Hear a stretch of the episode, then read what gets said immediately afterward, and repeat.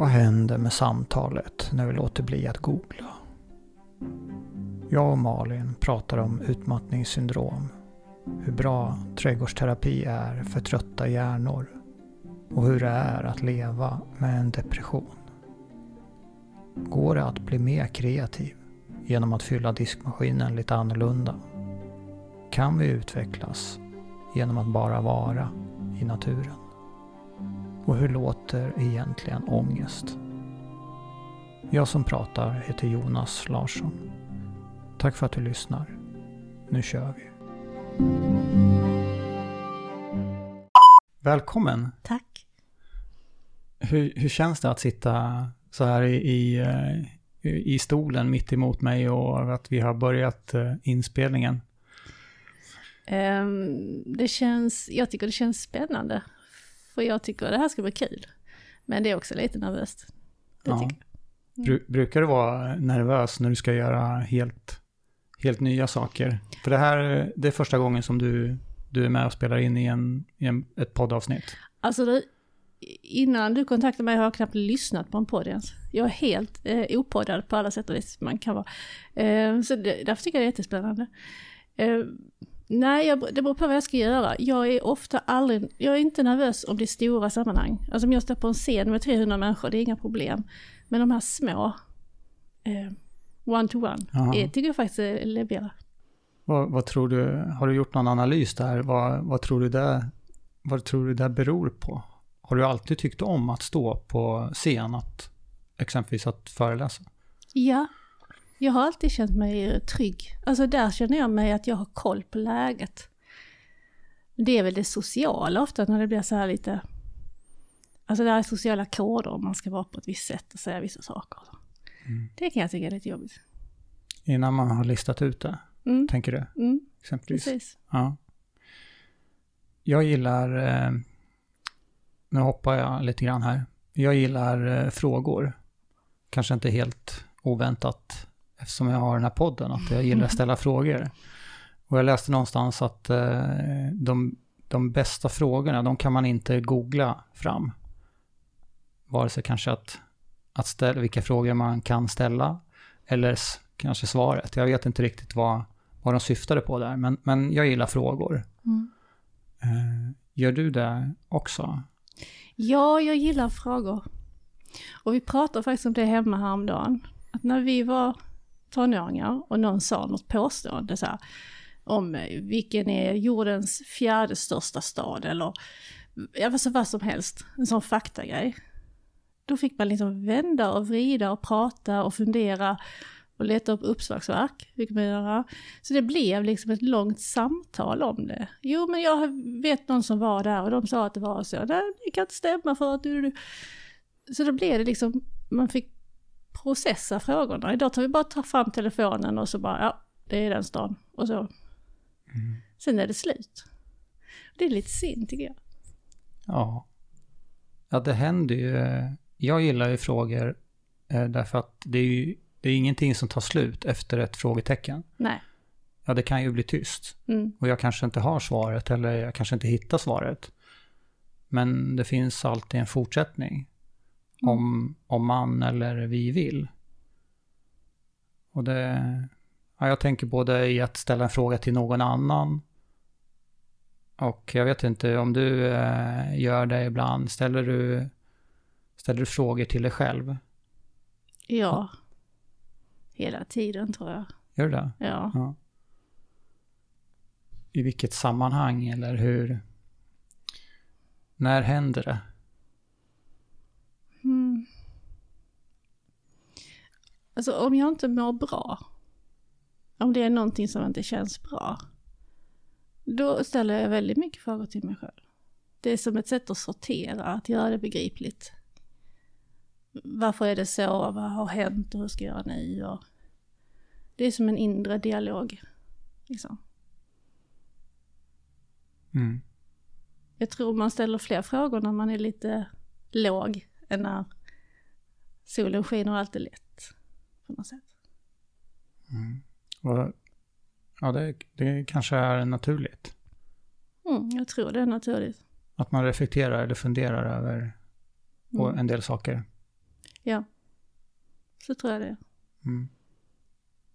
Men det finns ju någonting i att, tycker jag då, att eh, just ställa frågor eh, och till sig själv också. Att Mm. eh, det är ju ett, ett, en del av att reflektera och att eh, fundera över ja, hur mår jag eller vad vill jag eller ja, det finns ju hur många områden som helst att fundera över. Mm. Och i, i en tid nu som, som, ja den här tiden som svåra tiden med, med corona så är väl det är väl ett sånt tillfälle när jag tror att många funderar över olika saker. På grund av rädsla eller för att det är bara så svårt att förstå. Mm. Ja men så är det. Så är det för mig i alla fall. Mm. Och jag tänker att, eh, eller en sak som jag funderade på innan du kom, och det var att eh, allting är annorlunda just nu. Men samtidigt är ingenting annorlunda. Det, Mm. det, kanske, det, kanske inte, det kanske inte går att applicera fullt ut på just den här krisen som vi är i just ja, för tillfället. Men, men om jag säger så, att eh, allting är annorlunda, ingenting är annorlunda. Mm. Vad, eh, vad, vad tänker du då? Jag tycker att det stämmer väldigt bra. Alltså, jag funderar att det var detsamma. Alltså, när det här kom, när beskedet kom då att man skulle eh, förbjuda sammankomster på över 500 personer. Det var ju en onsdag kväll. Och dagen efter där, på torsdagen, då, då var det så för mig och som för väldigt många företagare tror jag att avbokningarna bara rasslade in liksom. Och på ett, på ett dygn hade man blivit, eller ja, planeringen och den stadga och struktur som man hade byggt upp och planerat för kanske något halvårs tid tillbaka. Helt plötsligt så var det, det var bara borta liksom. Och så var det mycket på nyheterna och det var, det var liksom som du säger, ingenting var sig likt. Men sen gick jag ut i trädgården och la mig på knä och rensade ogräs. Som jag ofta gör när det blir mycket eh, snurr på allt annat. Så tänkte jag på det att, hmm, här är allt sig likt. Alltså, jorden har inte slutat snurra. Alltså ogräset växer, humlorna surrar, eh, gräset växer. Vi kommer behöva klippa gräset. Så tänkte jag att det här är precis som det alltid har varit. Så ja, det var både och. Och det var lite skönt att kunna lämna den här lite kaosvärlden. Ja, för där är ju jobbigt att vara. Ja, och vi måste vara där, vi måste hantera det, men vi behöver kanske inte vara där hela tiden. Och så kan man ta steget ut och vara i en värld där allting bara är som det alltid har varit. Så Mm. får man liksom kraft att gå in och ta tag i, i det andra en stund. Och i den där, varför tror du det är bra att vara i den där andra världen då, där det inte är kaos? Alltså jag tror det är bra som människa att hela tiden påminna sig om att man bara är en liten skrutt. Jag tycker det är rätt så sunt. Alltså... Alltså när, när, när, det kommer, när allt kommer omkring så det vi ska göra det är att älska och äta och sova. Alltså vi ska ha vår familj omkring oss, våra nära och kära ska vi ta hand om och sen ska vi ha mat på bordet och tak över huvudet och, och så. Det är ju liksom basen i att vara människa. Så jag kom fram till en sak. Jag gick och köpte extra mycket sättpotatis. För jag funderar på det. Det är viktigt, jag jobbar med psykologi. Det är viktigt att få, vi behöver kontroll, vi människor. Jag kan inte kontrollera eh, liksom marknaden och coronakrisen. Det kan jag inte göra. Nej. Men jag kände, det var så kaosigt, jag kände jag behöver någon kontroll. Ja, men jag kan odla potatis, så har jag mat. Så har människor tänkt i alla tider när det är kaos. Vi odlar mer potatis. Sverige har tagit sig igenom hur många kriser som helst tack vare potatis. Så det blev min lösning för att få en sån här inre kontroll igen bara. Ja, jag ska gräva ett större potatisland och odla potatis. Vad skönt att du balanserade upp den Ja. här hamstringen av eh, toapapper som, Ja, som, som en del andra gjorde. nej den, den, gav mig, det, den karusellen gav jag mig inte ut Nej. i. Utan jag tänkte lite längre Mm. än så. Det, det är bland annat då en, för att skapa en känsla eller till och med för att skapa en, en kontroll. Ja. Att gå ut i den här andra världen där allting är som vanligt. Det är det där absolut. ingenting är annorlunda. Det växer, det, det livet, det pågår.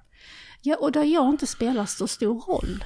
Nej. Alltså, allting i naturen kommer ju um, gå sin gilla gång oavsett vem Malin Jensen är eller gör eller hur många mejl med avbokningar jag har fått eller hur många jobb jag får in eller uh, du vet allt det här som vi springer omkring alla vi människor. Mm. Så det är en form av um, ödmjukande normalitet som man stiger ut i en stund. Tycker jag i alla fall. Ja, men jag kan känna igen det. Odlar du? Jag är nybörjare. Så ja, jag, det korrekta svaret, eller det enkla svaret är ja, jag och vi odlar. Eh, jag tänkte att vi skulle komma in på det. Kanske inte min odling så mycket, men, men att odla så småningom också. Mm. Kreativitet. Vad tänker du om jag säger ordet kreativitet? Vad är det för dig? Alltså på det personliga planet så är det väl att eh, komma in i något form av skapande. Mm, På det yrkesmässiga planet tycker jag att det är ett uttjatat modord som alla slänger sig med och ingen ger någon utrymme för att faktiskt lyckas med. Nej. I, i arbetslivet tänker jag. Mm. Om vi börjar på det personliga planet då. Yes. Att skapa. Mm. Vad är det du tänker och vad, är, vad, är, vad fyller det för syfte? Det kreativa ja, skapandet för dig. Alltså det, det fyller ett större syfte än jag begriper tror jag. Men grejen är den att jag känner att för egen del så jag är för lite kreativ. Alltså, Ska jag tolka det som att du skulle vilja vara mer? ja, absolut. Alltså, man tänker tillbaka när man var, när man var barn och, och ung och så. Då kunde jag väldigt ofta komma in i kreativa projekt. Men jag har blivit lite... Jag tror jag, jag som många andra, man blir lite hämmad av att man har så mycket omkring sig med, med tider att hålla och datum och, och hämta barn och göra läxor och laga mat och tömma kattlåda. Sådana roliga grejer. Nej men grejen är att det, det blir mycket vardag. Och när det blir så mycket vardag så tror jag att den där kreativiteten lätt stryker på foten. För att jag känner att kreativitet kräver tid. Alltså sammanhållen tid. För mig är det så i alla fall. För att man ska kunna komma in i det och få vara med det. Och det saknar jag. Det hade man mer förr känner jag. Det har jag inte så mycket nu. Fanns det, fanns det naturligt då? Och nu så har det ätits upp av andra saker? Eller vad är det tror du som, som har hänt där förutom att ja, vi eller du har blivit vuxen då, om man ska säga så? Ja, nej, men det var ni. Liksom när är tiden... vuxen, man hade sket sig. det där? Nej då. Nej, nej men när man, när man liksom, när man var yngre så, men det är ju för att då hade man ju en mamma som gjorde allt det där till en. Så man hade ju den tiden att bara flumma iväg Mm. i sinnet liksom. Men nu är jag ju den som gör allt det där. Nu så att mamma. ja, precis. Och det är inte så, jag är inte bitter. Nej, det är inte det. Alltså det är inte så. Utan det är mer den här reflektionen över att jag saknar det lite. Jag skulle vilja ha mer av det. Ehm, men eh, jag tror varje fas i livet har sitt liksom. Tror jag. Vad gjorde du då när du flummade iväg, när du var yngre? När du tillät dig att skapa någonting eller bara vara? Jag var ute i skogen själv jättelänge. Det var jag. Och sen var det mycket med musik. Satt och lyssnade på Billie Holiday, Det oändliga. Ella Fitzgerald och drömde. Mm. dagdrömde och sen har jag utbildat mig till ett kreativt yrke från början. Nu har jag skolat om mig, men från början är jag florist. Så jag läste ett konsthantverk. Så jag har ju fått lära mig att vara kreativ professionellt, så att säga. Och det ändrar ju någonting på något sätt också. Det professionella. Ja, Men hur var det att eh, studera? Även, fanns ämnet kreativitet med i, i studieplanen om man säger så? Nej. Nej. Alltså det, det, det var ju ett Skapandet. kreativt... Ja, skapandet fanns ju där. Eh, men det var ju liksom inget fritt skapande. Utan det var ju ett skapande. Men, men man behöver kanske, man behöver ju det strukturerade skapandet för att lära sig ett hantverk. Man behöver ju inte fritt skapande. Nej. Bara, liksom. Nej. Kan det vara olika? Ja, det kan det säkert vara. Ja. Jag kan ju bara uttala mig om hur, hur det var. Ja, men hur var det där? Om man nu ska kalla det här strukturerade skapandet. Eh, Det låter som en arbetsmodell, ett arbetssätt. Att om, eller hur? Mm. Jo, alltså det, det, var det är ju mycket teknik. Alltså ett konsthantverk är mycket teknik. Så det är ju att träna på att tekniskt använda händer, instrument och material rätt. Och sen är det färg och formlära och sen är det stillära och sen är det olika, om du gör en brudbukett eller en kistdekoration eller vad du gör. Så, så, så man betar liksom av och lär sig alla momenten liksom. Men det var, det, det tror jag är viktigt, alltså jag tror man behöver den eh, disciplinen och den för att lära sig hantverket. Men det har också gjort någonting med mig just det här att man ska kunna leverera kreativitet. Så jag vet inte, jag, jag tror jag tappar, jag tappar någonting på vägen där, alltså det här barnets fria liksom. Mm. Så, men jag tror jag hittar det igen. Nu? Nej, jag får nog vänta lite. Jag tror jag får vänta lite, för jag är nog i en fas i livet och det handlar rätt så mycket om vardag och praktiskt och så. Men, Men kan, eh, kan eh, inte kreativitet eh, vara någonting enkelt då i vardagen? Som, Jo, Eller hur, eller hur ser du? Om du skulle tillåta dig själv att eh, flumma ut lite grann i en sån tanke. mm, Att eh, kreativitet, kreativitet fick en plats eller en funktion i din vardag. I det här alla måsten eller... Ja, nu sätter jag ju etiketter på och beskriver ditt liv som jag inte har en aning om om det är så. Men, men det här, det som ska göras. Mm. Du menar att man fyller diskmaskinen lite mer spännande? Ja. ja men om ett Ja. problem är, om vi nu ska, eh, om jag ska haka på den tråden. Om nu ett problem är att det är supertråkigt att fylla diskmaskinen. Eller ta hand om det. eh, Så går det att eh, göra det annorlunda. På ett sätt att exempelvis Ja, nu ska ju, nu ska ju du fylla i, inte jag. Men, men, men eh, om nu är problemet är, eller det, ut- det vi vill lösa är att det ska bli diskat och rent. Mm. Så har vi en diskmaskin, men vi har en diskho också. Mm. Vi kan diska kanske någonting för hand. Eller så bara tvingar man barnen att göra det och drar. Och, le, och, le, och drar hemifrån till skogen. Ja, till skogen, ja precis. Nej, det ska man inte göra. Nej, jag har, Nej, mm, visst, visst får man göra det lite roligare.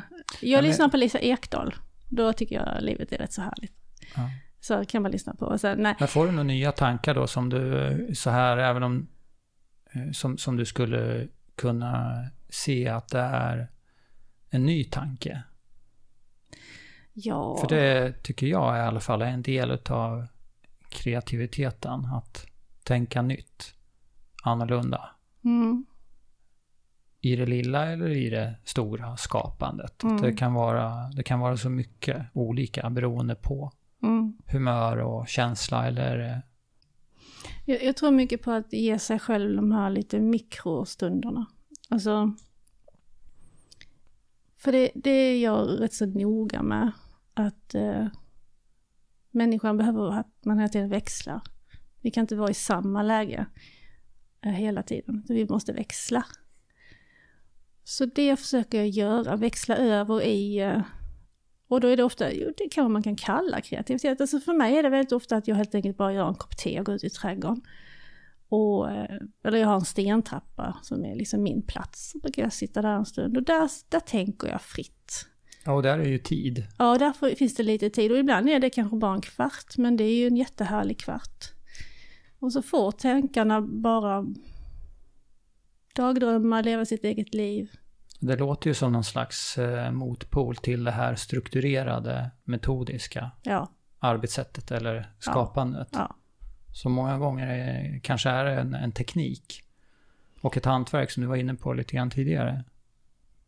Det kan vara, Mm, kanske. Kanske. Om man ska mer ta sig an, eh, ha ett, ett försök i alla fall hitta ett strukturerat arbetssätt att arbeta sig igenom någonting i syfte att medans det andra tiden att bara vara eh, fyller en funktion i det kreativa att tillåta sig själv att det finns utrymme för en ny tanke att ta plats. Exempelvis Mm på trappen där. Mm. Jag har en liten sten som jag har skrivit på den där trappen. Eh, som jag inte riktigt minns vad jag läste där. Men det var i alla fall en, eh, någon bok eller något jag läste. Det var en paus ger en erinran av frihet. Och det tror jag är ganska vanligt när vi lever våra hektiska liv, att vi känner oss pressade och vi är så igång i tankar, strukturera och det är den här strukturen. Hinna med och få det gjort och, och, och, och, och det kör på i huvudet på oss. Hur vi ska lyckas och hur det ska gå. Och det kan nästan kännas som att man inte kan bryta det där. Men pausen bryter det. För om du sätter dig ner en stund och eh, dricker en kopp te eller en kopp kaffe, luktar lite på en lavendel, tittar lite på en humla. Alltså någonting sånt som bara gör att tankarna får strö iväg åt vilket håll de vill en stund. Så helt plötsligt så har den där himla karusellen i huvudet stannat. Den där kontrollkarusellen. Då känner man sig lite mer fri. Så det är en sån liten påminnelse jag har lagt där på min lilla trappa jag har. Att en paus ger en erinran av frihet. Så det är något som lättar upp och får en att längta tillbaka till någonting. Eller framåt mot något. Mm. Trädgården, Mm. hur eh, upptäckte du trädgården? Eh, Jag hade den med mig som barn. Väldigt nära. Min mormor och morfar var trädgårdsmänniskor ute i fingerspetsarna. De hade en fantastiskt fin sådana här egna hems trädgård med grusgångar som knastrar och spaljerade päron och ympade äpplen och bigarråer och allt vad det var. Och de var väldigt intresserade av natur, så liksom när jag var liten, när de passade mig, vi var liksom aldrig på någon utflykt liksom på marknader eller på tivoli, vi gjorde inget sånt, vi var ute i skogen och vi var runt och tittade på trädgårdar. Så eh, jag var inte så gammal när min morf, eh, morfar och mormor lufsade runt med mig i trädgården och berättade vad allting hette på svenska och latin och så. Så jag fick det rakt in i hjärtat den vägen. Och sen hade jag en liten trädgårdstäppa hemma och eh, trädgård betydde väldigt mycket för mig men sen tappade jag det någonstans där när jag började gymnasiet och det var annat liksom. Och sen hittade jag den igen på en liten koloniträdgård i Helsingborg faktiskt. Och då var det så att jag var väldigt, väldigt sjuk. Jag hade varit sjuk under lång tid. Eh, hade en, en, eh, det tog lång tid innan läkarna fattade vad det handlade om, men jag hade en, en väldigt djup eh, svår depression och ett utmattningssyndrom. Så min hjärna var ju trasig helt enkelt. Jag funkar inte som människa. Och då var det någon sån märklig slump att en väninna till mig skulle dra till Göteborg. Hon var ganska impulsiv. Och hon hade varit så pass impulsiv att några månader innan hade hon köpt en kolonilott på Närlunda. På 100 kvadratmeter och så en liten, liten stuga som var spikad av gamla sillalådor. Det var liksom en tant från 40-talet eh, som har köpt den på 40-talet och haft den ända fram till millennieskiftet alltså.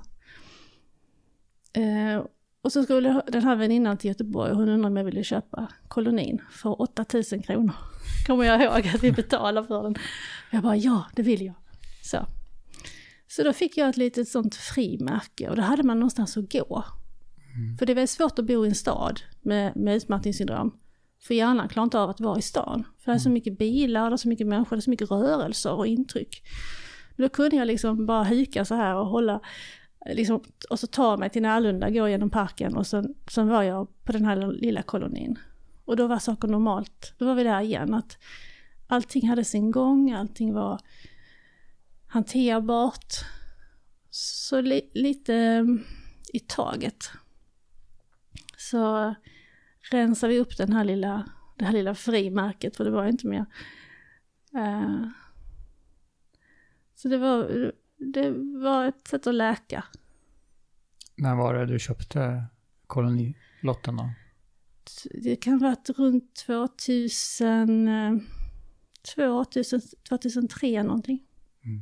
Så min eh, äldsta grabb han var två år kanske.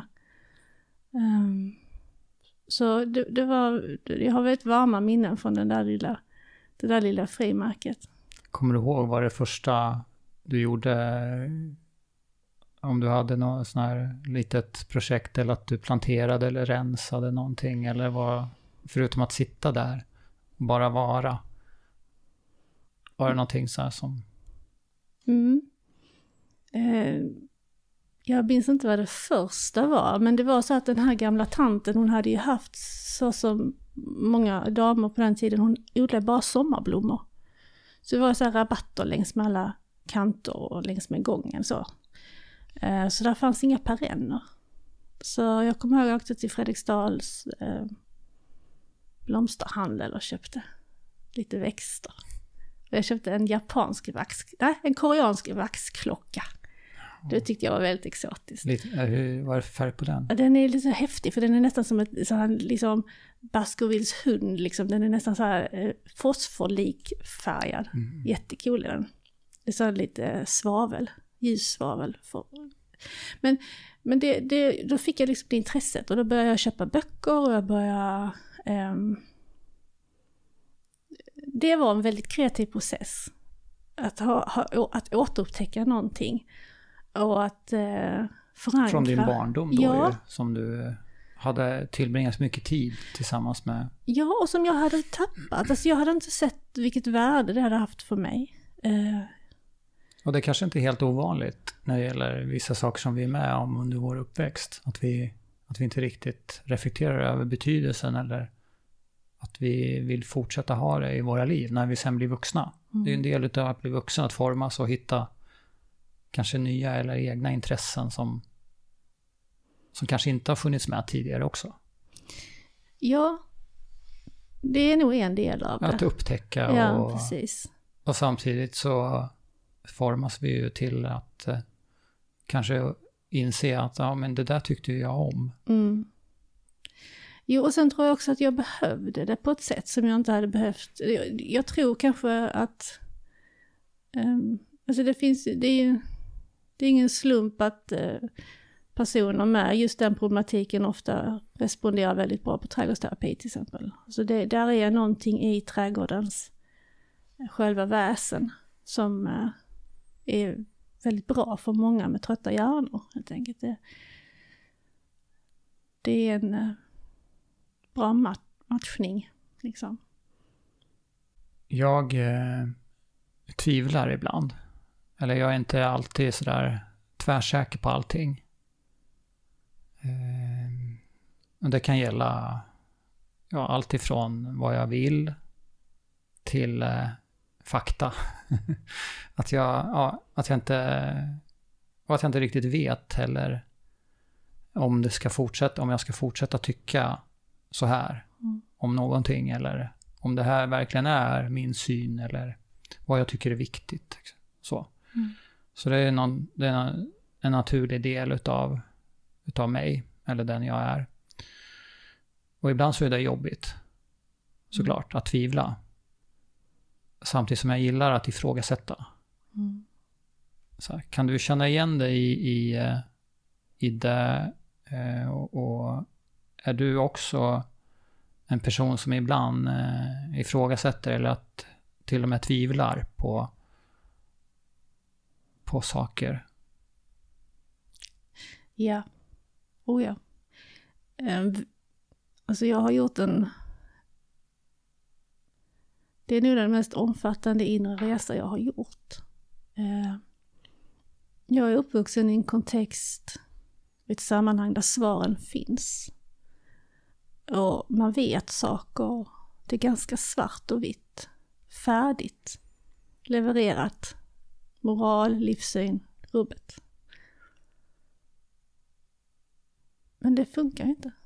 Alltså, att veta saker så säkert, det funkar ju inte. För människor, alltså det... Det är inte så att, det kan inte vara så att en människa kan förstå hur det ska vara för alla andra människor. Utan en människa kanske kan förstå hur det ska vara för den. Och det är ungefär allt. Så jag har väl fått... Eh, men sen i och med att jag blev väldigt sjuk tidigt i livet så fick jag ju liksom göra den resan att allt det där som man... För i att veta saker ligger ju ofta också en, en, en benägenhet att döma. Det som man tycker sig själv veta, då är det andra fel. Och då, då, om jag då står för det här, då har de andra fel. Alltså det, det ligger ett fördömandet i att säkert veta en sak. Mm. För då har man dömt ut något som fel. Och jag känner att jag... Jag gick nog in i livet som ung vuxen med den inställningen. Men jag har kommit ut på andra sidan men som en helt annan människa. Jag vet ingenting. Och det är så det ska vara. Skulle man till och med kunna kopiera det här jag sa förut med allt är annorlunda, ingenting är annorlunda. Skulle vi kunna tillåta oss själva att säga att eh, jag vet ingenting och jag vet allt? Men... Kanske. Med ett frågetecken efter. Man tror sig veta allt ibland. Nej, jag, jag, jag, jag menar inte egentligen. Det där, jag har aldrig formulerat den där meningen innan. Högt. Och inte för mig själv heller, men just det där. Att... Eller så här. Jag, jag, jag frågar istället. När du säger att du inte vet någonting. Är det verkligen så? Nej, det är klart att jag vet saker. Alltså, men det är lite vi kommer åt det här att man har svaren. Att man kan tala om för andra, så här är det. Det, tvär, det här ska det du göra. Det här står vi, det här är rätt, det här är mm. fel. Mm. Um, för det jag upptäckte är att, alltså jag har ju varit, man har varit på den fördömande sidan och sen hamnar man i en situation i livet där man blir dömd. Orättvist dömd. Um, att leva i vårt samhälle som, det här är ju väldigt många år sedan, men ändå att leva i vårt samhälle med svår sjukdom jag tror inte någon som inte har varit där begriper hur mycket stigma det ligger i det. Speciellt om det är en psykisk sjukdom. Så, mm, vad ska jag säga, att alltså, att ha haft den upplevelsen hur det är att själv bli hårt dömd av individer runt omkring en och av ett helt samhälle. Och veta att det finns ett skäl men det är ingen som frågar eller förstår det skälet. Då tänker jag att det skälet har alla andra också. Alltså om jag har en anledning att fördöma, eller jag tycker mig vilja fördöma något annat eller någon annan. Då får jag ställa mig frågan, vad är det för skäl bakom? Och det är man på det som du pratar om, att man, att man kan ställa sig själv de frågorna. Att man inte är snabb och drar slutsatser. Utan man verkligen funderar. Och någonstans när man gör det så tror jag att man kommer fram till att man inte riktigt vet. Och det är okej. Okay. Det kunde jag inte leva med när jag var yngre. Att jag inte visste. Det kunde inte vara okej. Okay. Men nu är det bara okej, okay, för livet är så komplext. Kan det till och med vara bra då? Det, alltså mer än okej? Okay. Det, det, det, är en börda som lättar. Mm. För man kan tänka så gott om alla. Det är ja, något ganska att, fint. att det finns eh, finns möjligheter bakom eller framför det, hur man nu ser det, att inte vara så tvärsäker. Ja. Om vi om man tar att, att tvivla eller att vara osäker. Mm. Om vi ska göra kopplingen till eh, att vara kreativ. Att tänka nytt. Mm. Att skapa någonting nytt. Mm. Annorlunda. Tillåta sig själv att eh, utforska det outforskade. Så är inte det en, en styrka då? Just att inte vara tvärsäker på att så här är det. För så, där, där blir det ju svårt att skapa någonting kreativt, mm. tänker jag. Jo, jag tror det är så. Min erfarenhet är i alla fall att den hållningen har gjort att jag har fått möta människor eh, som är lite kanske ja, man lever lite i, i samhällets marginal. Livet har varit svårt. Man har slagit ut några gånger och rest sig några gånger. Eh, så jag har haft förmånen att få jobba tillsammans med många sådana människor som har haft det så. Och det är det bästa jag varit med om. Har de inspirerat dig eller har du hittat, eller har haft några andra som har inspirerat dig utöver din sjukdom eller det som du, det du har gått igenom som har hjälpt dig att ändra eh, synsätt ifrån när du växte upp? Eller? Mm. Ja, dels är det som jag sa, jag har ju varit aktiv i något som heter Hjärnkoll, som var en, en, en det är väl tio år sedan som du drog igång det är en kampanj för att minska stigma mot psykisk ohälsa. Och då var vi här i Skåne, var vi ett gäng på 40 personer. Som föreläste och folkbildade och så om, om att bryta stigma. Och, och då sattes jag liksom in i ett stort gäng med människor som, alltså i vanliga fall hade jag inte, de hade nog inte kommit in i min värld annars. Hur då? Vad, ja, är annorlunda? Ja, så här, här har du ett gäng med 40 människor som le, lever med olika funktionsnedsättningar. Ehm, vi har människor som har varit hemlösa, det är missbruk, det är, eller ja, före detta missbrukare, det är svåra psykossjukdomar. Det är alltså och allt du kan tänka dig. Alltså av, av att människor har drabbats av att livet är väldigt hårt mot dem. Och så får jag komma in i det sammanhanget och jobba med dem och vara med dem. Och så är det bara, jag har aldrig lärt mig så mycket om mig själv som eh, när jag har fått spegla mig i de människorna. Och jag har lärt mig så mycket om mina egna fördomar, jag har lärt mig så otroligt mycket om, om kämpaglöd, om styrka och om kreativitet och intelligens. För i ett sånt gäng, där har du kreativitet och intelligens. För det är 40 människor som har fått tillbringa sina liv med att överleva. Och de har lyckats. Inte för att någonting har varit gratis utan för att allting har kostat. Så de har, de har inspirerat mig jättemycket. Förvånade det dig då? Ja. Var det en liten käftsmäll? Ja. En positiv, om, om det nu kan vara det? Ja, det var en positiv käftsmäll. Mm. Absolut. Jag säger ju i den här podden att eh, jag pratar om existentiell kreativitet. Mm. Eh, och eh, bland annat då. Och det här som du beskriver, att de har varit med om tufft och att, ja, att har varit, livet har varit hårt.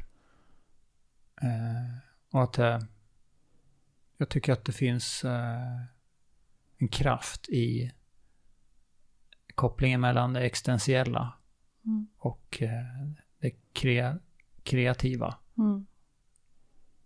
Tvånget att, där det inte handlar om bara att vad som man har lust för, utan man är helt enkelt tvungen. Mm. För att eh, ja, överleva om man ska dra det fullt ut. Mm. För att klara dagen ut, utifrån hur man mår där och då. Ja, precis. Ja, och, och får man då vara med ett sånt gäng där de flesta har den erfarenheten. Mm. Så blir man, eh, jag vet inte, de inspirerade dig Jag kände mig hemma också. Men jag, jag, tror det var, alltså jag funderade ganska mycket där, för första gången jag, vi träffades, det var på en fortbildning, eller en utbildning för det här gänget. Jag var på någon, eh, på någon eh, konferensgård och så. Och så gick man in där, jag visste inte alls vem jag skulle möta. Och så, eh, så är det bara liksom från början väldigt hjärtligt och enkelt och äkta. Det fanns liksom ingen där som... Eh, alltså vi har ju sociala masker, vi har sociala spel. Det var inget sånt. En formsvacka. Ja. Har du, eh, har du sysslat någonting eller hållit på någonting med idrott när du växte upp? Bara under tvång. Det, Nej, det lät sådär. Det, det där vill jag höra mer om. Eh, jag har en, en ambivalent eh, eh, hållning till eh, alltså skolgympan och sen lite gått och dansat lite. Men nej, jag har tränat alldeles för lite mot vad man borde. Om vi struntar i de där borden då. Men, men eh, i, är begreppet formsvacka. Det brukar man ju ibland koppla ihop med idrott. Mm. Man har en formsvacka. Mm. Men eh, om vi pratar om eh, formsvacka i livet. Mm. Hur, hur är en sån? Är det inte det som är livet?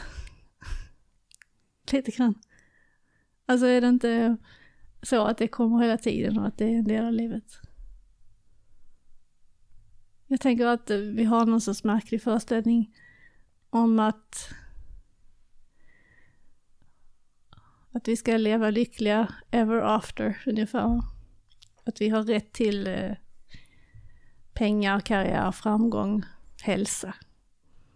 Men så är det inte för de flesta människor. Så är det inte. Det, det drabb, alltså livet drabbar. Det kommer de här, om vi kallar det formsvackor eller sjukdomar eller ekonomiska problem, vi kan kalla det vad vi vill, men livet dippar och hade det inte gjort det hade vi inte lärt oss ett skvatt. Nej.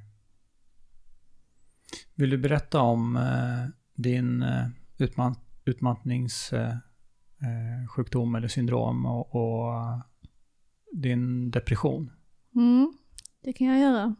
Ehm, jag fick mitt första skov av depression på gymnasiet. Och i mitt fall så var det, alltså det är väldigt många människor som inte vet någonting om depression. De tror det handlar om att man har problem och är ledsen och så.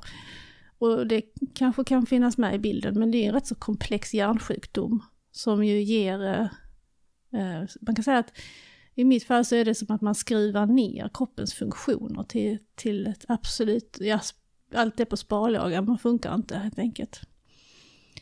Så jag försökte ju haka mig fram med det och fungerade väldigt dåligt. Jag var väldigt apatisk och liksom, ja, jag mådde pest. Sömnen funkar inte, magen funkar inte, näringsupptaget funkar inte, ingenting i systemet fungerade. Så jag var liksom en skugga av mig själv. Men, men det här var ju det här var ju på 90-talet så jag gick på gymnasiet och vi pratade ju ingenting om stress eller depression eller utmattning. Eller, alltså vi, vi hade inte ens de orden. Alltså det var ingen som pratade om psykisk ohälsa. Det fanns inte. Um, så jag kunde liksom inte söka hjälp, för jag kunde inte formulera vad jag upplevde. Jag hade ingen inre, inget inre språk för att beskriva. Hur förstod du vad det var som hände då? Det gjorde jag inte. Men jag kommer väldigt tydligt ihåg att jag tänkte att något har gått sönder i huvudet. Alltså jag hade en bild av att något hade gått sönder i huvudet. Ehm, men jag kunde inte göra det begripligt. Symptomen var inte begripliga för mig. Ehm, utan jag eh, vände det mot mig själv. Att jag inte... Alltså jag skulle pusha hårdare, anstränga mig hårdare. Alltså driva mig själv hårdare.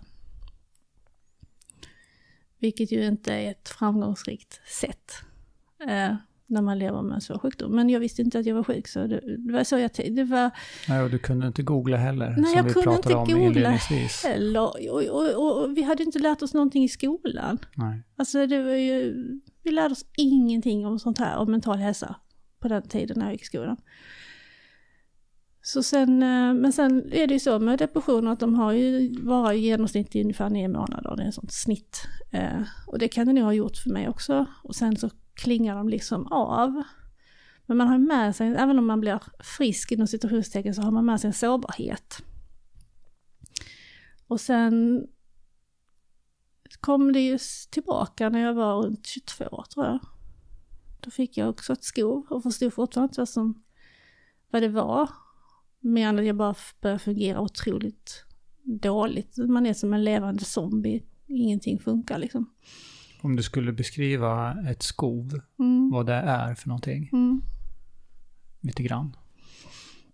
För, för de som kanske inte har Mm. hört ens begreppet. Ja.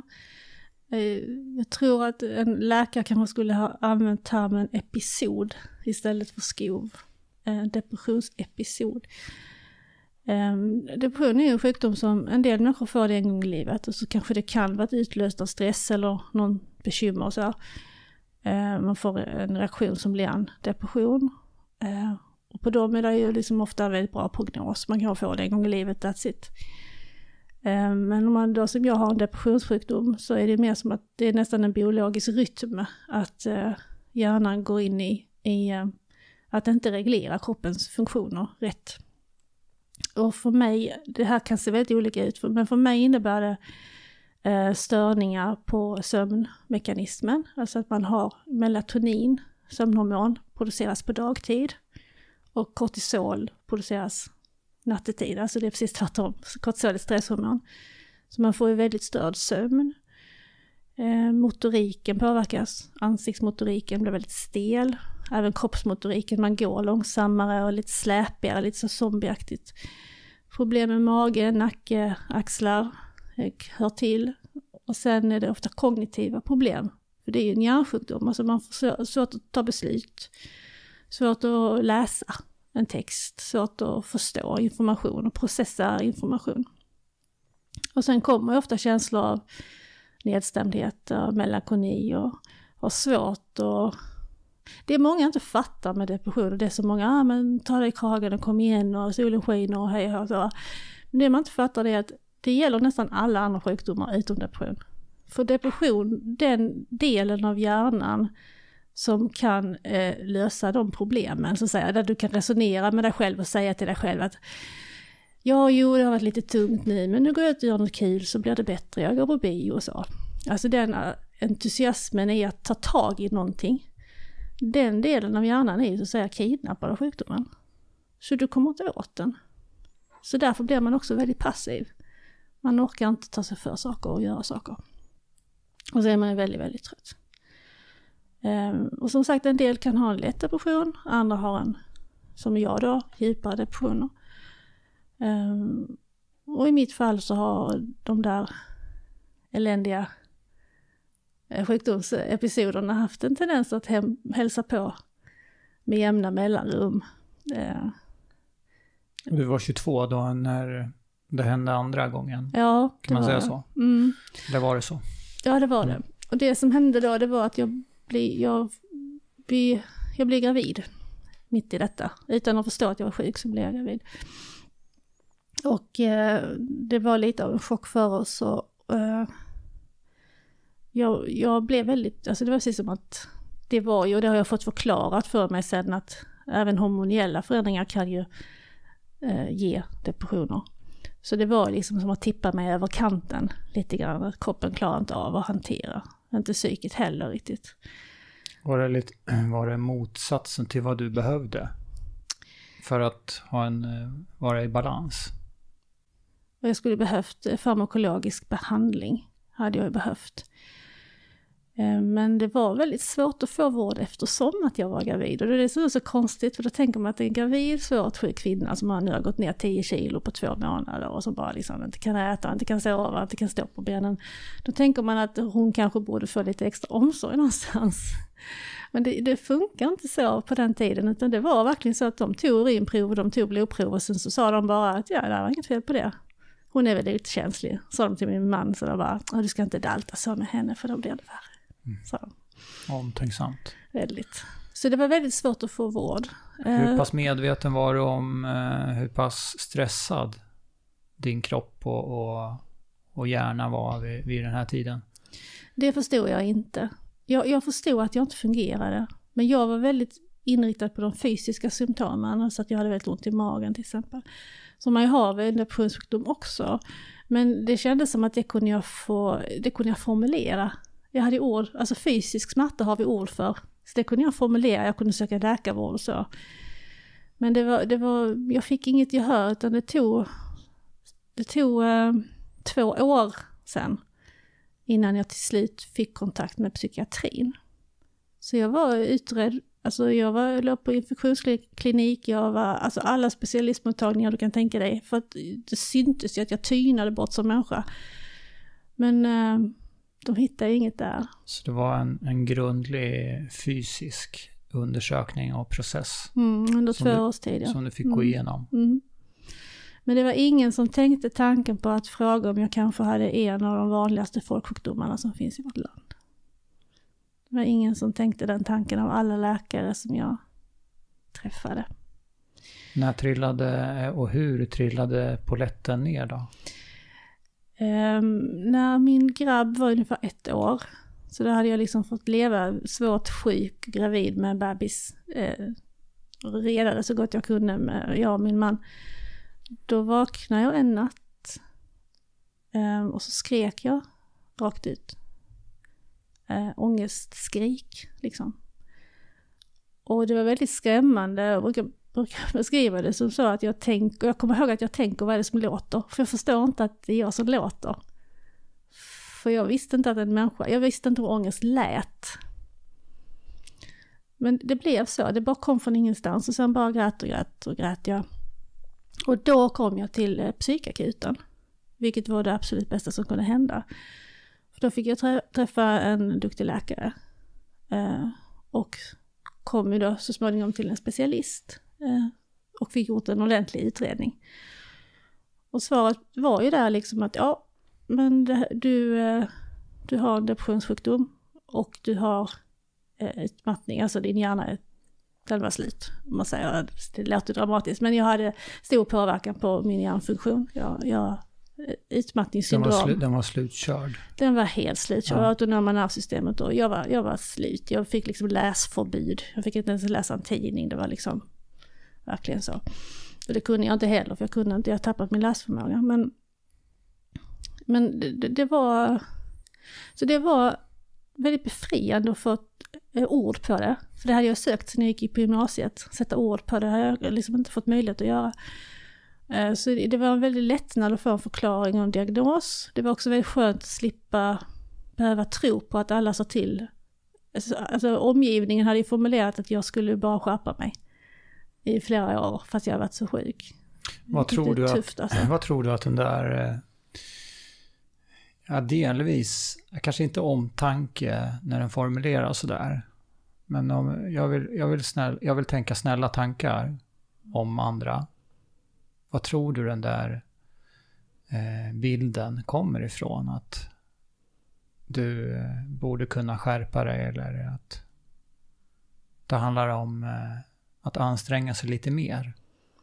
Utöver att det saknas kunskap. Mm. Eller att det finns stigma.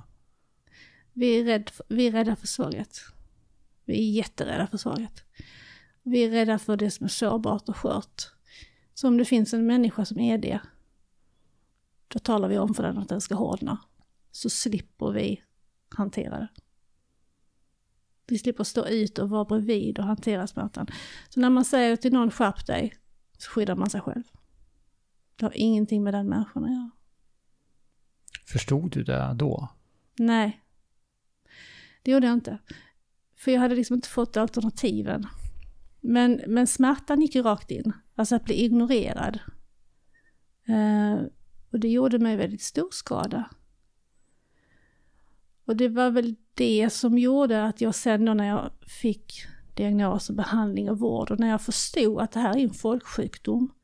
Det här är ju någonting som drabbar jättemånga människor. Och så pratar vi inte ens om det, vi har inte ens ord för det. Så för att om vi nu ska knyta upp säcken lite där när vi pratade innan om Eh, spe, speciella kreativa människor. Det var ju så jag hamnade hos de människorna. För att jag sa till mig själv när jag fick diagnos att det här är fel. Det som är allmänt förekommande i vårt samhälle ska vi ha allmänbildning om.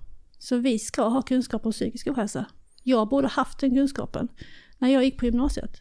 Jag borde vetat vad jag skulle vända mig. Jag borde fått hjälp redan då. Och då var jag ju jättesjuk så att eh, jag kunde inte liksom gå ut och stå på barrikaderna precis. Utan jag fick ju ta hand om mig själv och mitt barn och komma tillbaka till arbetslivet. Och det tog ju nog tre, fyra år innan jag kunde det. Va? Eh, men eh, några år senare där sen så gavs ju den möjligheten att gå med i Hjärnkoll och faktiskt lyfta de här frågorna för första gången på ett nationell nivå i Sverige. Men om vi stannar lite grann om några år tidigare då. Mm. När du mådde dåligt. Mm. Riktigt dåligt. Mm. Och när, eh, hur var den processen då? Till, tillbaka till att få, få lite, ett lite bättre mående. Vad gjorde du då? Vad klarade du av? Eller vad, hur såg ditt liv ut? Jag var på min kolonilott. Ja, det var där du började ja. prata om. Ja, ja. Mm. Alltså, eh, det, alltså, depression behandlar man ju. Där har vi farmakologisk behandling. Eh, Sen har vi ju utmattningssyndromet när man får de skadorna på hjärna och autonomt nervsystem.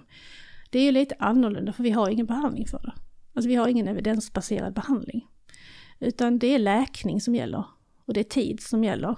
Och där fick du läsförbud initialt exempelvis? Ja, det fick jag.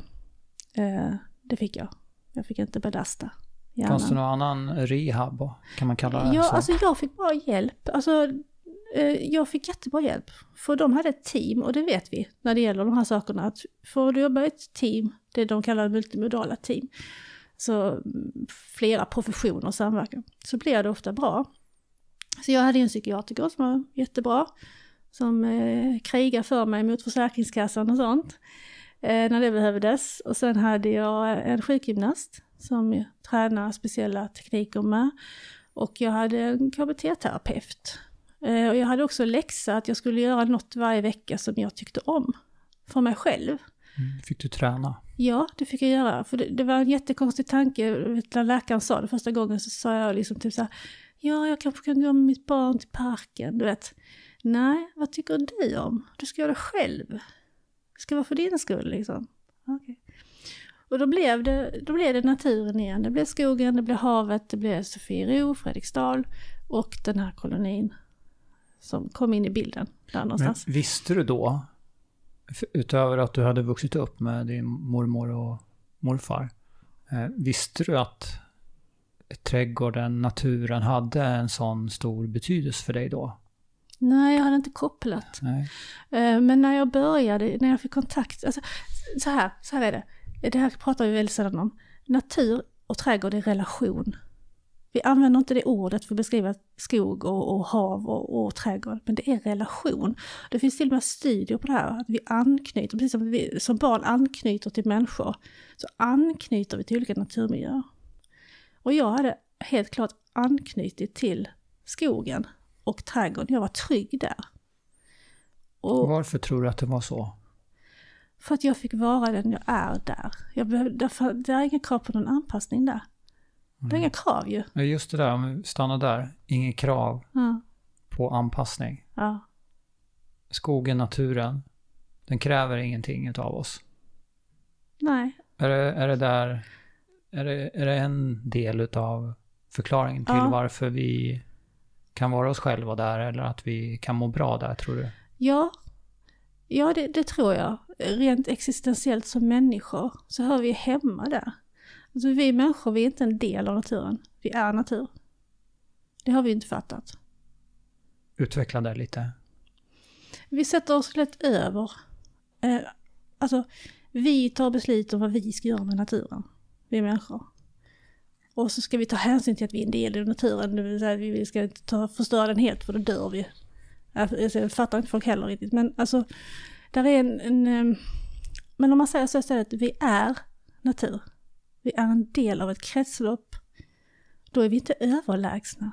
Vi är inte smartare, vi är inte klokare, vi vet inte bättre. Utan vi får bara acceptera, observera och existera. Då kan man bara finnas. Det låter ju också som en, en bra grund för en relation. Ja, jag tycker ju det också. Att den inte är under och överordnad. Ja. Och det är någonting som man faktiskt, om jag får gå in lite på hjärnan som är min lilla, ja. Eh, eh, vi tänker sällan på att sociala interaktioner oss människor emellan kräver otroligt mycket kognitivt arbete. Alltså att vi värderar information, vi analyserar information, vi tar beslut. Vi tar väldigt många beslut i ett samtal med en annan människa om vad vi ska säga och varför vi ska säga det, varför inte och vad vi borde sagt istället. Och det, det, det är liksom ett farligt chatt där uppe eh, kognitivt, alltså de delarna av hjärnan som processar information, och får hålla på något vansinnigt mycket i sociala interaktioner. Och vi är alltid sårbara i de relationerna, även om vi försöker verka att vi inte vill vara det. Vi tuppar oss kanske och tycker vi är jättemacho eller säkra eller så, men vi är alla så rätt så små. På riktigt är vi det. Men i den relationen med naturen så är man. Så hjärnan vilar. Du behöver inte ta några stora beslut, det kan inte bli så fel. Och det är rätt skönt, tycker jag i alla fall. Så det blir hjärnvila av det. Att det inte är så mycket krav. Men då, eh, du sökte dig till naturen och din koloni. Mm. Och att det var en, eh, en viktig del i för att både att vara och att så småningom sen sakta men säkert kunna må, må bättre. Mm. Och sen efter ett par, tre år så, sen så fick du kontakt också med, med Hjärnkoll. Ja, precis. Och då blev det mer eh, möten och mera intryck och, och sadlade du om Mm. och började jobba med, med andra saker då i den vevan också. Ja, det blev, det blev så. Ehm, det blev så. Jag, då hade jag fått mitt andra barn, Elias. Så, och då, då var ju tanken att jag skulle gå tillbaka och jobba i blomsteraffär och så här. Men det funkade inte för mig. Eh, jag lyckades inte och där, där var det nog väldigt mycket belastningar och jag kände att jag hamnade fel någonstans. Jag, jag kände att det var dags för något annat. Och då blev det psykologistudier för min del. Och så småningom, Läste du i Hal- Halmstad? Halmstad, ja, på högskolan i Halmstad, läste jag psykologiprogram och så inriktning i arbetslivet. Och så har jag egentligen, alltså jag har ju studerat allt det som man gör där med ledarskap och grupputveckling och individ och ja, allt. Prestationspsykologi och personlighetspsykologi. Men jag har ju nischat mig mot att förstå stress och utmattningsproblematik och psykisk ohälsa. Så jag har ju riktat mina studier mot det. Och sen tog jag... Varför gjorde du det valet då mot, mot eh, arbete? Det, därför att så som debatten hade gått när jag var sjuk, just med stress, utmattning och utmattningssyndrom, eh, så lades ju ansvaret väldigt mycket på de personerna som blev sjuka. Och jag kände att det, det hamnar fel. För jag visste ju från hur det verkligen var att så, så enkelt är det inte. Det här är inte några svaga människor. Det är tvärtom rätt så samhällets ryggrad som knäcktes då första rundan runt millennieskiftet. Vet du om det finns någon statistik på eller någon forskning som just visar på kopplingen mellan högpresterande människor och utmattningssyndrom? Eh, ja, det finns säkert, men, men mer relevant forskning är i så fall att, hänvisa till var du finner de här människorna som drabbas. Och de finner du i, i eh, vård och omsorgsyrken och i skolans eh, utbildningsvärld. Så helt klart är det ju så, och det var det jag kom fram till när jag studerade, det var det jag ville förstå, det är att orsakssambanden, varför drabbas vissa inte andra? Och helt klart är det så att arbetsmiljön är otroligt, alltså arbetsmiljöfaktorerna väger tyngre än individfaktorerna eh, i vem, för att kunna se vem som blir sjuk så att säga. När du fick hjälp, Mm, både för din depression mm. och din utmattning, eh, gjorde man skillnad på de två eh, diagnoserna eller tillstånderna och i, i din behandling och, och i ditt i din rehab? Eller Mm. var det en process? Eh, idag skulle man gjort skillnad, eller man gör skillnad idag, men det här var ju, nu är vi ju 20 år tillbaka i tiden. Och eh, på den, den tiden gjorde man ju helt enkelt så att man sa att om du hade utmattningssyndrom samtidigt som en depression så var det en utmattningsdepression. Så det, var, det är ganska ny forskning, man hade inte riktigt koll. Men sen har det kommit studier efter det som väldigt tydligt visar att vi bör särskilja det. Utmattningssyndrom är inte en depression. Och, och tvärtom. Och jag som har haft båda kan absolut intyga att det är sjukdomar med helt olika för, förlopp. Eh, Medicinerar man utmattningssyndrom? eh, det, det förekommer men det finns ingen evidens för att det hjälper. Vad är det man medicinerar? Med antidepressiva mediciner. Det kan finnas anledning att medicinera med antidepressiva mediciner, kanske för att det är ångest som hör till utmattningssyndromet eller så. Men det finns inget skäl att... Eh, alltså du kan inte ge en antidepressiv medicin och säga att du ska behandla och bota utmattningssyndromet, för det finns ingen evidens för att, eh, att det är så, helt enkelt. Vad är det som krävs då för att, eh, för att man ska kunna må bättre? Eh, det är tiden som ska till och läkande miljöer som man kan läka. Alltså, så, som jag sa, det finns ingen evidens att vi kan säga att vi kan behandla utmattningssyndrom med det här. Men det finns ju mycket man kan göra som hjälper processen så den blir så bra som möjligt.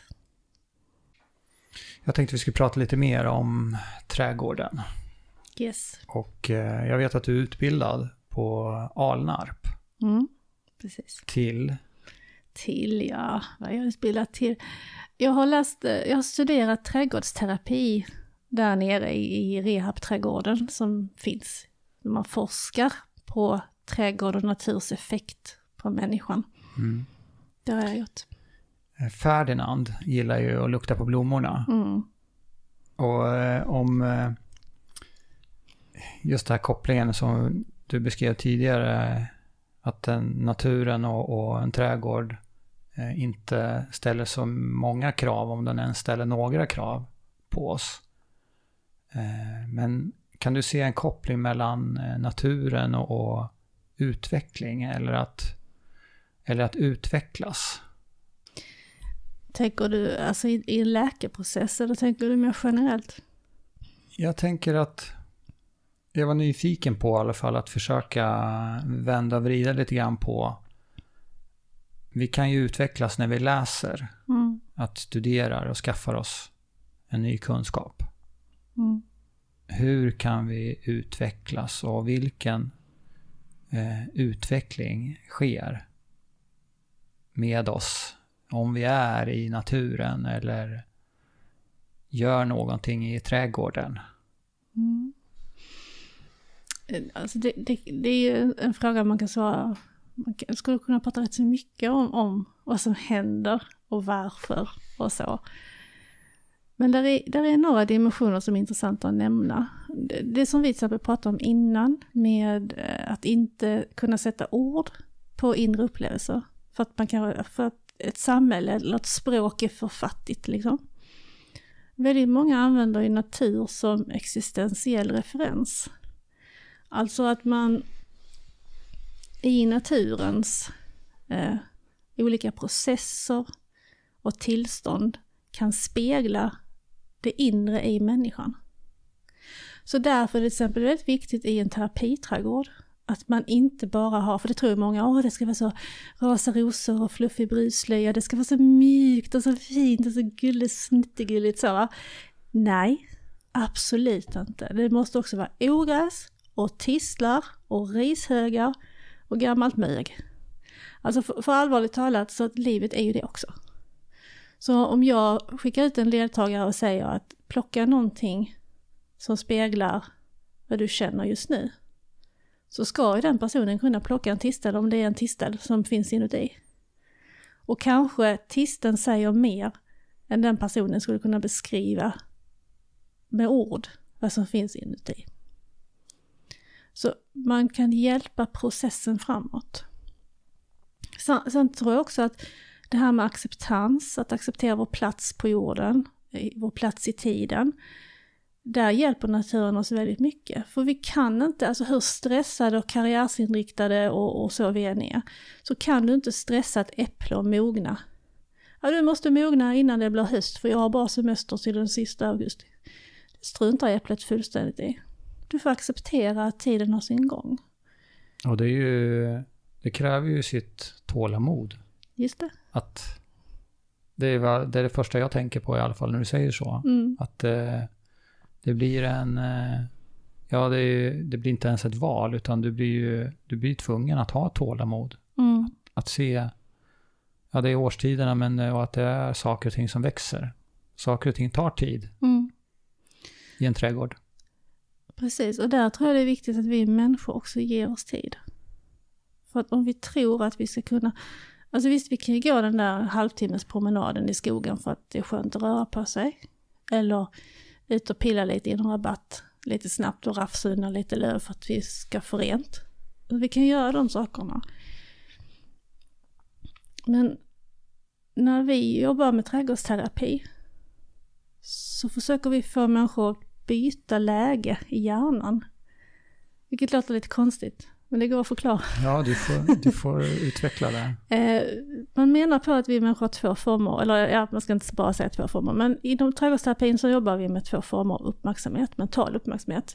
Man har den riktade och den spontana. Och den riktade, den är väldigt mycket så här, och vad ska jag göra nu och vad tycker de där? Och så man, man liksom tar in information man tänker, planerar och strukturerar och, och liksom den formen av uppmärksamhet som vi har i våra yrkesliv hela tiden i vårt samhälle. Det är den när vi liksom sitter med datorn eller ja, alltså vi, vi processar information och vi tar beslut kring den informationen konstant. Vi ska prestera. Vi ska prestera, då har vi riktad uppmärksamhet. Alltså att vi med viljekraft styr vår uppmärksamhet i en riktning för att kunna få jobbet gjort. Spontan uppmärksamhet är ett annat uppmärksamhetsläge i hjärnan som just natur är väldigt bra på att hämta upp hos oss. Och det är till exempel när du är, jag brukar ta som exempel att eh, om, om man säger att man är, om vi säger att det hoppar in en ekorre här. Det skuttar in en jättesöt liten ekorre genom fönstret och hoppar upp här på bordet och sätter sig. Då skulle vi glömma allt vad den här podden heter. Och vi skulle bara, vår uppmärksamhet skulle, hjärnan skulle bara uppmärksamma den här lilla ekorren. Och vi skulle vara i den med 100%. Och det är en form av uppmärksamhet som inte kräver några beslut. Det kräver inget processande, där finns inget hot. Det är bara, åh titta! Wow, det är som, det är som, det är som treåringen som sätter sig på huk och bara, titta snigel! Mm. Den uppmärksamheten eh, där vilar hjärnan och den uppmärksamheten försöker vi hjälpa deltagare att nå. Eh, vilket man kan göra på olika sätt. För precis som att vi kan ha triggers i kroppen som sätter igång stressreaktioner, så kan vi ha triggers i kroppen som sätter igång lugn och ro, eh, hormoner och lugn och ro-reaktioner och återhämtning. Och kan man väl komma ner i det lugnet med andningen och närvaron och man ger sig den tiden att låta det hända, då får man ta del av skogen eller trädgården på ett helt annat sätt än när vi bara lufsar igenom. Kom du på det här själv eller kom du på det under, under utbildningen på Alnarp? Um, jag har eh, jag upplevt det själv men jag fick ju det förklarat för mig varför ja. det hade funkat. Ja, nu tror jag din telefon ringer. Ja, jag har stängt av ljudet men, men den burrar lite i väskan. Vad ska jag göra då? jag, vet, du kan, jag kan stänga ja, den helt. nej, men du, ja, du kan... Eh, ja, jag vet inte. Nu slutade det. Nu slutade det. Ja. ja. Och lite, bara en liten parentes. Mm. Ja. på, tal om, på tal om uppmärksamhet. Ja, nej, men du, jag, du, ja, precis, för du började svara på min fråga. Och jag hörde bara att det vibrerade från ringsignalen, så jag hörde inte vad du svarade Jaha. apropå spontan okay. uppmärksamhet. Du, jag, jag, frågade vad, hur du upptäckte det eller kom fram till det här mm. med om det var e egna upplevelser på kolonin eller? Alltså jag har ju intuitivt sökt mig till naturen och till trädgården. Och den har läkt mig. Mm. Jag har inte förstått varför. Men det man gör med forskning det är att ta reda på varför saker är som de är, hur det funkar. Så i studierna har jag ju fått lära mig varför vissa miljöer tilltalar mig och varför jag inte klarar av vissa saker och liksom hur det funkar. Um, hur kan, kan du ge några exempel på hur man kan, eh, eh, om man nu vill, ge plats för det här spontana? Mm. Du nämnde någonting om en triggers. Mm. Om man vill att det ska få hända, ja. ute i naturen eller i en trädgård. Det händer så mycket lättare när det är långsamt. Så mitt råd brukar vara, för ofta så vi människor, vi, alltså, vi går, ofta går vi väldigt fort. Även om vi ska gå en promenad i skogen, så är vi så vana vid att gå ganska fort, så vi går fort. Så vi går vår runda fort och sen är vi hemma. Utan att liksom ha hunnit att ta in miljön. Så då brukar jag säga att man ska lägga händerna på ryggen. Som en gammal farbror som är ute och flanerar från förr. Med plommonstop och kostym, en sån gammal farbror. Eh, som, som bara flanerar, som bara går, spatserar på stan, inte på väg någonstans. Han bara sätter en fot framför den andra. Så prova att göra det. Lägg händerna på ryggen och gå. För det är väldigt svårt att gå fort med händerna knutna på ryggen. Så gör man det några minuter så man får ner sitt tempo. Och sen så är det egentligen att använda helt vanlig mindfulness för att bryta tankar. Och då brukar jag jobba med sinnena, alltså våra, våra sinnen. Och man säger till sig själv, vad ser jag för något? Och så bara låter ögonen svepa. Och så kommer där bergs vara en liten talgoxe eller något litet löv eller en form som fångar ditt intresse. Ja men stanna där en stund. Vad hör jag för något? Fågelsång är ju väldigt effektivt för att söka kortisolnivåer och stresshormoner i kroppen har man kunnat se i studier. Så fågelsång är jättebra. Eh, och vad känner jag? Och vad smakar jag? Kan man ju våga sig på att gnaga på någonting i skogen kanske. Men man ska gnaga på någonting man inte vet, man vet inte är giftigt då, såklart. Det kan vara bra. Ja. Så man får glädje av den här nya harmonin. Exakt. Så man inte får åka ambulans, för det är ju inte sådär väldigt mindful alltid. Nej. Och sen sätta sig ner och bara låta, låta naturen komma till en. För vi går ofta förbi, det händer rätt så mycket som vi bara går förbi. Men sitter vi still så är det jättemånga små spindlar och filurer och ja, det är hur mycket som helst att titta på. Egentligen. Egentligen ja. Mm. Men vi får, ge, vi får ge det lite tid. Ja, och att den, eh, det, innan det spontana händer Mm. Så blir, hör jag i alla fall att du säger att vi, vi kan hjälpa oss själva på traven där. Mm. Att eh, tillåta oss själva att uppmärksamma. Eh, eller att, Mm. ja, du använder ordet mindfulness, men, men att eh, tillåta sig själv att eh, se någonting. Att lukta och, eller att känna någonting, eller att titta. Mm. Och det, för mig i alla fall så, så är jag, jag är i regel medveten om jag är i det tillståndet. Mm. Oavsett var det är någonstans. Om jag är eh, uppmärksam. Eller om jag har skygglappar. Mm. Så det är... Och att eh, ibland eh, är det väldigt tydligt att jag i alla fall kan behöva aktivt... Eh, eh, att det blir en aktiv handling. Mm.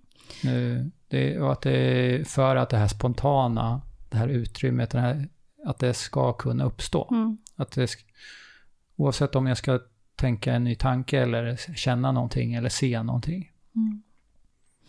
Jo, men jag, jag tror, det som jag sa innan, att saker och ting måste växla. Alltså, stresssystem ska växla med återhämtning i kroppen. Vi har ett system som ska balanseras. Vi har stress, vi har återhämtning. Det är två olika biologiska system eh, som hör ihop och som ska växla och avlösa varandra hela tiden. Vi har det här med spontan uppmärksamhet, riktad uppmärksamhet. Så det, det ska växla. Men vi lever i en tid och ett samhälle som um, per automatik sätter oss i stressmode för mycket. Så vi måste hjälpa oss själva lite. Att hjälpa kroppen att växla över i återhämtning, i närvaro. Och vi kan göra det. Det finns sätt att göra det på. Men man kan behöva ta till lite tricks och fix. Och att gå långsamt, att andas långsamt är ett bra sätt. Det svåra tycker jag, och jag tror att kanske en del andra upplever det också, att eh, i teori så vet vi ju mycket av det här. Och vi vet vad vi behöver. Mm. Men det vet vi på andra områden också. Mm. Eh, och vi har så oerhört svårt att förändra, Mm. att eh, ge plats för någonting nytt. Om, om det inte är så att vi eh, exempelvis blir eh, sjuka Mm. utav någonting. För det, för det är också jobbigt att eh, även om det här, vi pratar om att vad, vad, vad naturen kan, kan göra för oss eller med oss. Så, så ska, tycker inte jag heller att man ska sticka under stolen med att det är, det är jobbigt i sig, kan vara i alla fall, Mm. att eh, eh, lite på ett sätt tvinga sig själv att sänka tempot och att, att bli uppmärksam på någonting nytt. Som inte är kanske så enkelt från början. Mm.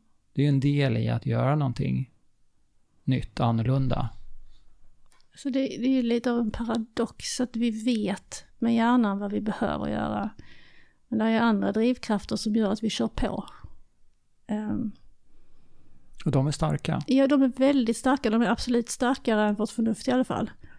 Uh, psykolog, alltså, det är sociala drivkrafter ofta, behovet av att passa in och leva upp till andras förväntningar och sånt. Och våra egna förväntningar. Och jag tror inte det finns några direkta svar på det där med hur, hur får man människor att göra det då? Utan det är kanske så att ibland är den där krisen, den där formsvackan, svaret på att hitta någonting nytt.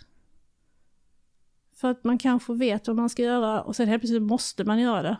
Och det är då man gör det och lär sig att det är värdefullt i livet. Kanske kan det vara så. Jag kan absolut se den kopplingen mellan det existentiella och det kreativa skapandet. Att, att göra någonting nytt för mm. att kunna må bättre. Ja. Eh, att i en längtan eller ett tillstånd där i alla fall jag kan känna att det här går inte. Mm. Jag behöver jag behöver göra någonting nytt, svårt kanske, eller annorlunda. Och det, det är väl inte förrän kanske vi hamnar där som det händer så lätt. Eller händer överhuvudtaget mm. menar jag. Jo men det, det är nog så. Men samtidigt så, om man ska prata förändring att, eh, och utveckling, så ibland kan jag tycka att, att man överdriver hur svårt det är. Eh, och vissa saker är, är svåra. Det har, jag tycker inte att eh, det är lätt och det är inte ett sätt att förringa utmaningen eller svåra i att få ihop livspusslet eller vad det nu är. Men eh, ibland så vet jag inte om det är också en del i att vi vill omedvetet skydda oss själva. För att vi är rädda för eh, förändring i sig eller att eh, någonting som eh, kanske ska sätta igång saker och ting mm. hos oss eller i oss. Mm. Mm. Det behöver inte alltid eh, vara svårt. Exakt. Alltså jag, eller så stort. Eller så stort. Alltså jag är väldigt, när jag jobbar med deltagare, alltså det, det du säger där. Um, jag har väldigt svårt för, för hurtiga människor som utbildar andra i sånt här med stress och sånt, som jag ju gör. Men alltså, jag har svårt när det blir hurtigt och käckt och när det blir, oh, nu ska vi ha förändringar, för det är inte realistiskt det är inte realistiskt mellan, som jag sa innan, packa gympapåse och koka snabbmakaroner och tömma kattlådan. Alltså någonstans där så är det rätt så svårt att få till några stora förändringar. Men då brukar jag säga, gör det lilla. Som jag brukar säga, köp en lavendelplanta. Plantera den vid dörren, där du går in. För lavendel ska man alltid plantera där man går förbi. Eller hur? Så man kan dra lite så doften, du stryker lite mot den så kommer doften. Så, mm. Mm. så plantera en lavendel i en kruka eller i backen där du går förbi. Så varje dag du kommer hem från jobbet så bara stanna en sekund, dra händerna över eh, lavendelbusken så du får doften på dina händer. Och så kupa dem framför näsan och dra in doften och bara liksom andas ut en stund. Så har du fått, det är lite njutning, det är fem sekunders njutning. Men vad bra, då har du gjort någonting som var härligt den dagen. Så man gör de här små sakerna för att röra sig mot eh, bättre hälsa. Jag tror inte att det är realistiskt för de flesta av oss att göra stora förändringar. Nej, det tror inte jag heller. Och, I vår vardag alltså. Eh, varken teoretiskt eller eh, när det gäller min egen erfarenhet så all, alla bra saker jag har gjort och gör, det har börjat med att jag har tagit små steg. Mm eh, som jag har upptäckt att det här fungerar och så fortsätter jag. Mm. Och, det, och sen byggs det på eller så dras det av. Mm. Och så är det, det är en ständig process. Som inte är sådär allt eller inget. Det, så att jag delar helt och hållet den uppfattningen. Om jag får ge ett litet sånt tips. Eh, ja, gör det. För man kan rå sig själv lite smått. Så något som de flesta av oss gör det är att vi dricker kaffe eller te varje dag. Det gör de flesta av oss någon gång på dagen. Och då brukar jag säga att, för, ofta så bara dricker vi det på slentrian vid, vid diskbänken eller på jobbet vid kaffeautomaten eller så. Men kanske det kan finnas en vacker plats att göra det på. Du ska ändå dricka kaffet. Mm. Kan, finns det en vacker, finns det en buske eller några vackra träd eller någonting nära du? Så du kan ta på dig en jacka eh, om det är kallt ute, en mössa och dricka det utomhus. Eller om du är hemma, du har en trädgård, till exempel en balkong. Kan du boa in en liten hörna som är din hörna. Istället för att sätta dig på köksstolen som du alltid gör. Klä på dig varmt, ut i trädgården. Sitt i tio minuter på en plats, på en stol. Där, där du känner att det här är din plats. Ta en stol, gå runt och känn efter i trädgården var det känns som att du känner dig trygg. Och så välj den platsen och så planterar du sånt som, som du tycker om där. Om det doftar gott eller det är vackert eller det spelar ingen roll. Gör en riktigt egen egohörna. Och sen istället för att dricka kaffet vid diskbänken så dricker du kaffet på den här vackra platsen. Alltså det är en sån liten sak. Men då har man gjort någonting för en själv. Man signalerar till sig själv och till sin hjärna att nu är det min stund. Nu vilar jag lite. Mm. Så fortsätter man. Så, så små man, kanske saker. kan, man kanske kan hitta en, eh, om man nu jobbar eh, och inte har någon trädgård eller Mm. så, så kanske man kan hitta en blomma. Eller ett hörn i en, jag menar i värsta fall. Om man inte kan gå ut, säger Mm. vi. Om vi ska se lite begränsningar här i någon arbetsmiljö eventuellt. Mm. Jag vet inte, men, men eh, det kanske är att hitta en blomma. Eller eh, Tänk om man, man kanske i värsta fall får claima en uh, whiteboard-tavla. För att eh, här, här dricker jag kaffet och Mm. i min egen lilla tokighet, även om inte det är tokigt, Mm. att, det är, eh, att känna att jag går igång lite grann på idén att här dricker jag mitt tio kaffe. Exakt, det är liksom lite det jag är ute efter. Det, det, kanske, det behöver inte vara så att man har den mest undersköna platsen på jorden. Nej. Men att det är en plats där jag känner mig, där jag trivs. Om vi skulle, eller du, inte vi, eh, du, det, det, jag vill höra om du skulle ge dig på att försöka svara på frågan då, vad är meningen med hela skiten? Ja, är det inte att ta sig igenom skiten? Nej, jag vet, jag, jag vet inte riktigt vad som är meningen med hela skiten. Men jag tror att för egen del så ligger det i alla fall i förståelsen av att jag är natur. Att leva på det sättet. Är det någonting som vi har missat att prata om, tycker du? Nej, det vet jag inte. Vi har pratat på. Jag vet inte, vi kanske ska nämna vad det här allt vi har pratat om har kokat ner till. Mm, gör det. Det har ju kokat ner till att det idag finns en liten trädgård utanför Ängelholm som heter Lottis trädgård. Så det är alltså inte min, utan jag hyr den. Och där har jag ju förebyggande insatser med hjälp av trädgårdsterapi. Det är väldigt spännande. Så, så någonstans så har det knutit ihop säcken för mig att få göra det. Mm. Nu fick jag också knyta ihop säcken med lite grann med, jag lämnar ju en yrkesbana med floristsidan, men den får jag ändå med lite grann. Så det, det, det jag tror att, att saker, alltså det, allting är processer. Och dit, den processen hamnar jag, jag hamnar där i den processen och det var någon tanke med det. Så får vi se vad nästa process rör sig, vilken riktning. Har jag Kanske- ingen aning om. Det kanske också är, är meningen med hela skiten, att det ska vara så. Kanske. Mm. Det är kanske det som är som är meningen. Alltså, någonstans. Tänker jag. Ska vi säga så? Vi kan säga så.